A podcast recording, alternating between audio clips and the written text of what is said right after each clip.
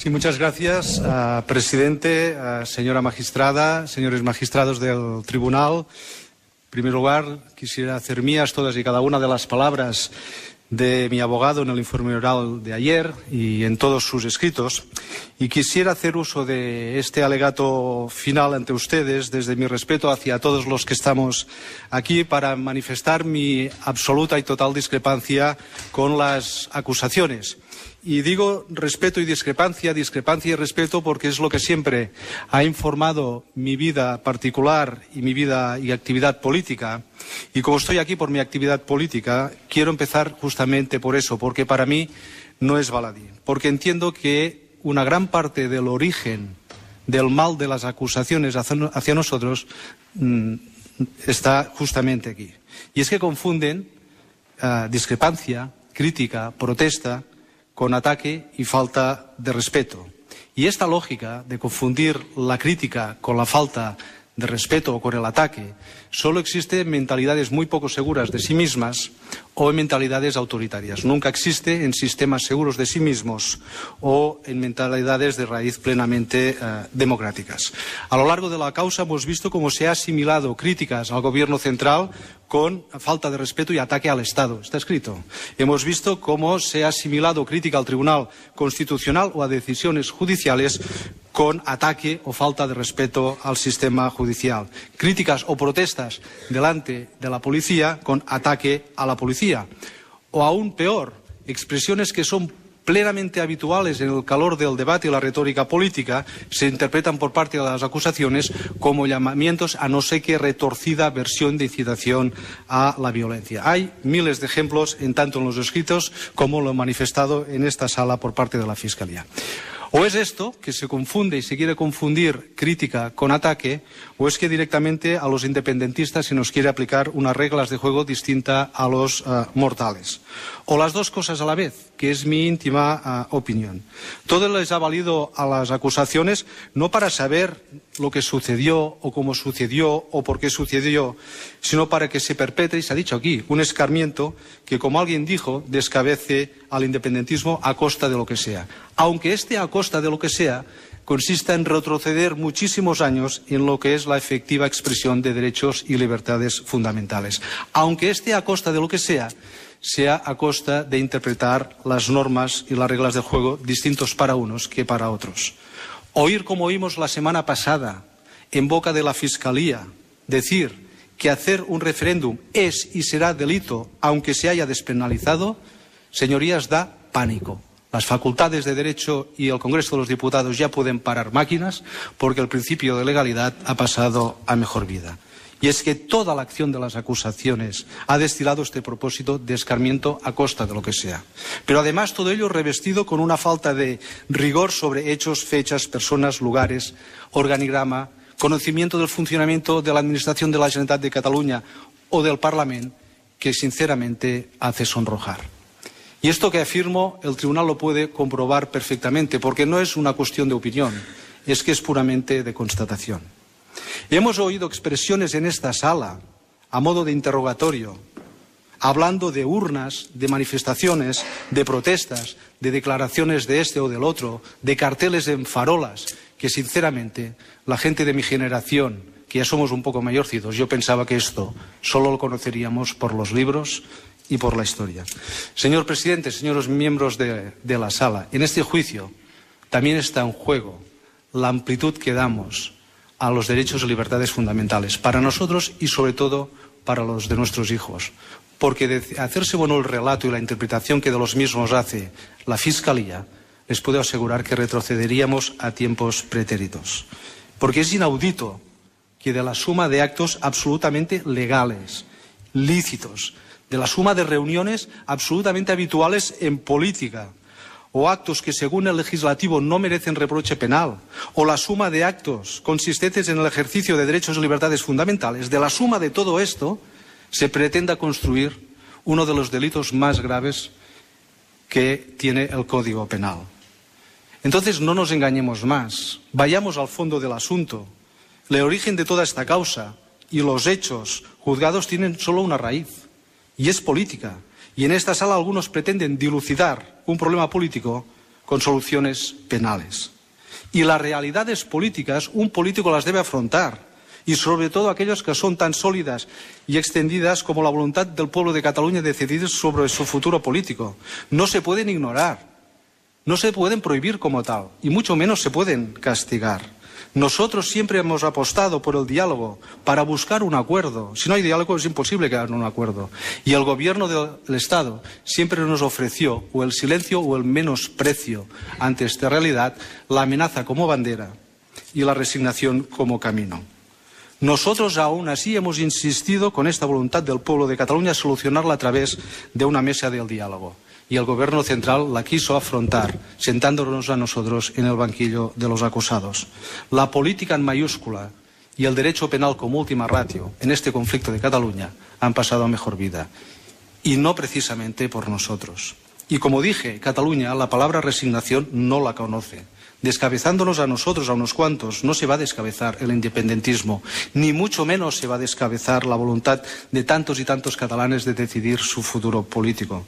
Solo un mínimo conocimiento de la historia de Cataluña, de los continuos y cíclicos embates hacia sus instituciones de autogobierno que vienen de muy lejos, hacia su lengua, hacia su cultura, etcétera, todo el mundo sabe que no es así como se va a solucionar dicho conflicto, ni mucho menos se va a descabezar la voluntad de ser y de decidir del pueblo de Cataluña. Los que estamos aquí sentados somos meros instrumentos del clamor que se vive en Cataluña y no al revés, como ha pretendido relatar las acusaciones. La sociedad catalana, quiero hablar de la sociedad catalana porque han habido afirmaciones que duelen mucho. La sociedad catalana piense lo que piense, es una sociedad adulta, tiene criterio propio, tiene masa crítica. Insisto en lo que dije durante mi interrogatorio, los catalanes no son ovejas y la violencia nunca, ni por acción ni por omisión, ha formado parte de su código de conducta. Como no ha formado parte nunca de mi código de conducta, ni lo ha formado ni lo formará nunca, y nunca es nunca. Y cualquier acto por aislado que sea, Són les 5 de la tarda, estem sentint Jordi Turull en la seva última paraula en el judici del procés. De reproche pero que de la excepción minúscula se quiera hacer la regla general es un insulto a la sociedad catalana. Como dije, delante de una realidad y una realidad tan extendida como esta, un político tiene la obligación y el deber de poderlo ponderar todo para decidir a la hora de actuar, teniendo en cuenta todas las variables de la actuación.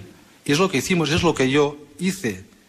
Lo que no es de recibo es a estas alturas intentar introducir variables al margen de aquel contexto, variables que en aquel contexto no existían. Fíjese en aquel momento, deseo acumulado en Cataluña de poder decidir su futuro político, certificado elecciones tras elecciones, movilizaciones increíbles en Cataluña, absolutamente pacíficas desde hacían muchos años, compromiso público y evidente de hacer caso al mandato de las urnas, la realidad jurídica de que hacer un referéndum no era delito, la posibilidad de hacer compatibles las diligencias judiciales, ni un solo caso de incitación a la violencia, el precedente de cómo fue la jornada de la consulta del 9 de noviembre y, sobre todo, el carácter cívico y pacífico permanente que hay en la sociedad catalana, piensen lo que piensen. Y a partir de aquí es como se actuó no como se explica que pretendíamos, ni todos estos, insisto, relatos que se pretenden introducir. Y el 1 de octubre, y a partir de aquí el 1 de octubre. Pero ¿cómo se vivió el 1 de octubre? Expliquemos cómo se vivió. Muchos testigos lo han dicho. ¿Cómo se vivió el 1 de octubre en más del 98% de los puntos de votación? Porque yo estaba. Las acusaciones no. Yo estaba el 1 de octubre. El 1 de octubre por los ciudadanos fue vivido con ilusión, fue vivido con emoción, fue vivido con sentido de comunidad, fue vivido con la sensación de participar en algo grande que se había perseguido durante muchos años de manera cívica y pacífica. Fue una jornada de afirmación, de a favor de, no en contra de, a favor de ejercer de ciudadanos. Durante mucho tiempo la gente, todo el mundo, se llenaba o nos llenábamos la boca de qué querían o no querían los catalanes. Ese día, por fin, cada ciudadano tenía la oportunidad, saliendo de casa de manera libre, individual, cívica pacífica de dejar clara su posición. Con una papeleta como único instrumento, poniendo una cruz en un sí, en un no o dejándola en blanco. No había masas, ni turbas, ni siquiera había gente. Había personas y había ciudadanos ejerciendo de ciudadanos. Eso fue el 1 de octubre, en el más del 98% de los puntos de votación. Y allí donde algunos han querido decir o han hablado de miradas de odio, yo le puedo asegurar, como han asegurado aquí algunos testigos, yo le puedo hablar de miles y miles de ojos brillantes, de la emoción que les producía poder participar en ese referéndum.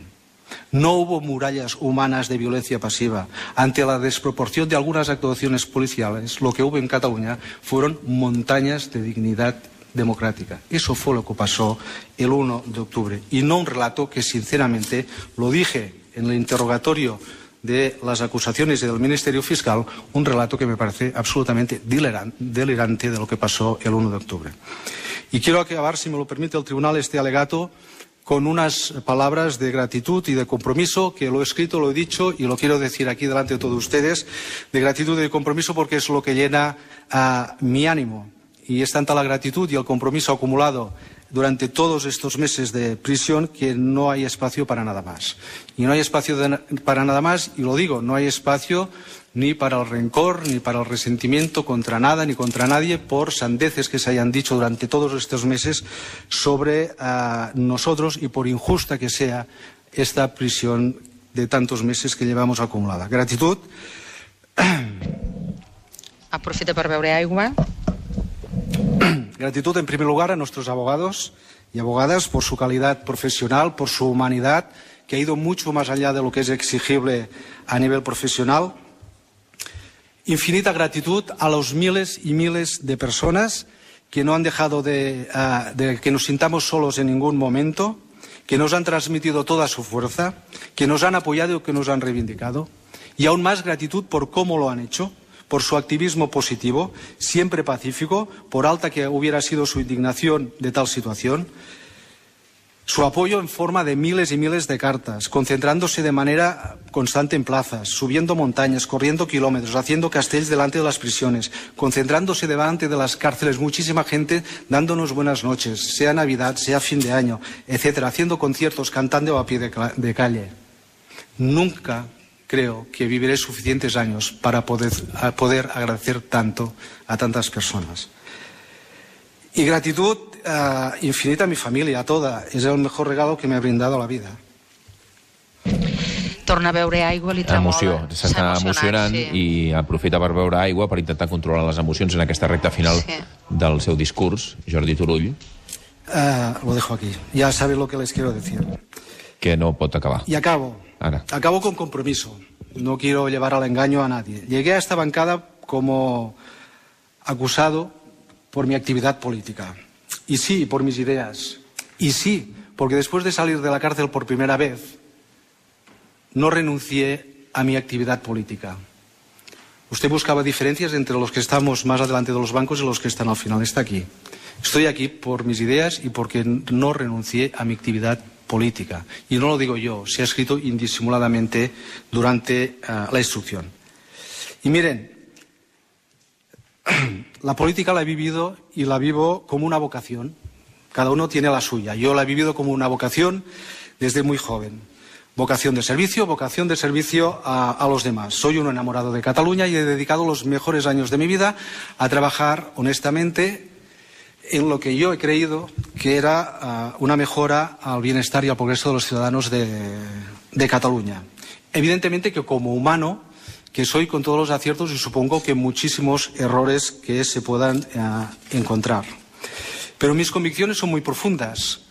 Pero el hecho de que mis convicciones sean muy profundas es lo que siempre me ha ayudado a entender que haya gente que tenga las mismas convicciones, igual o más de profundas, en un sentido exactamente el contrario al mío. Durante todos los años que he tenido el honor de ser diputado en el Parlamento de Cataluña, me he dedicado básicamente a una cosa, y lo puede, pueden ser testigos todas las fuerzas políticas. Me he dedicado al pacto y al acuerdo. Al pacto y al acuerdo. Discrepancia y respeto. Es a lo que yo me he dedicado. Y cuando uh, tuve el honor de ser conseller de la de la Presidencia, cuando me lo propusieron, llegué para esto también. Para esto. Respeto y discrepancia. Acuerdo y voluntad de acuerdo. Y sí, señorías, he llegado a esta bancada de los acusados defendiendo pacífica y democráticamente la independencia de Cataluña. Soy independentista, no lo voy a esconder, lo soy y lo seré, defendiendo el derecho a la autodeterminación de Cataluña. Lo he defendido, lo defiendo, lo defenderé. pero también defendiendo que no hay un camino para el diálogo. El diálogo ha de ser siempre el camino. Y me levantaré de esta bancada, acabaremos este juicio y les puedo asegurar que estaré más convencido y más comprometido que nunca con estos ideales, con estos objetivos, con estas actitudes, con esta manera, la mía, de afrontar la política, más comprometido que nunca con Cataluña, con la voluntad de los ciudadanos de Cataluña y más comprometido que nunca con el ejercicio de los derechos y libertades uh, fundamentales. Perdónenme la emoción. Muchas gracias por su atención y me sumo a, la, a los mejores deseos al magistrado por su jubilación. Muchas gracias. Gracias.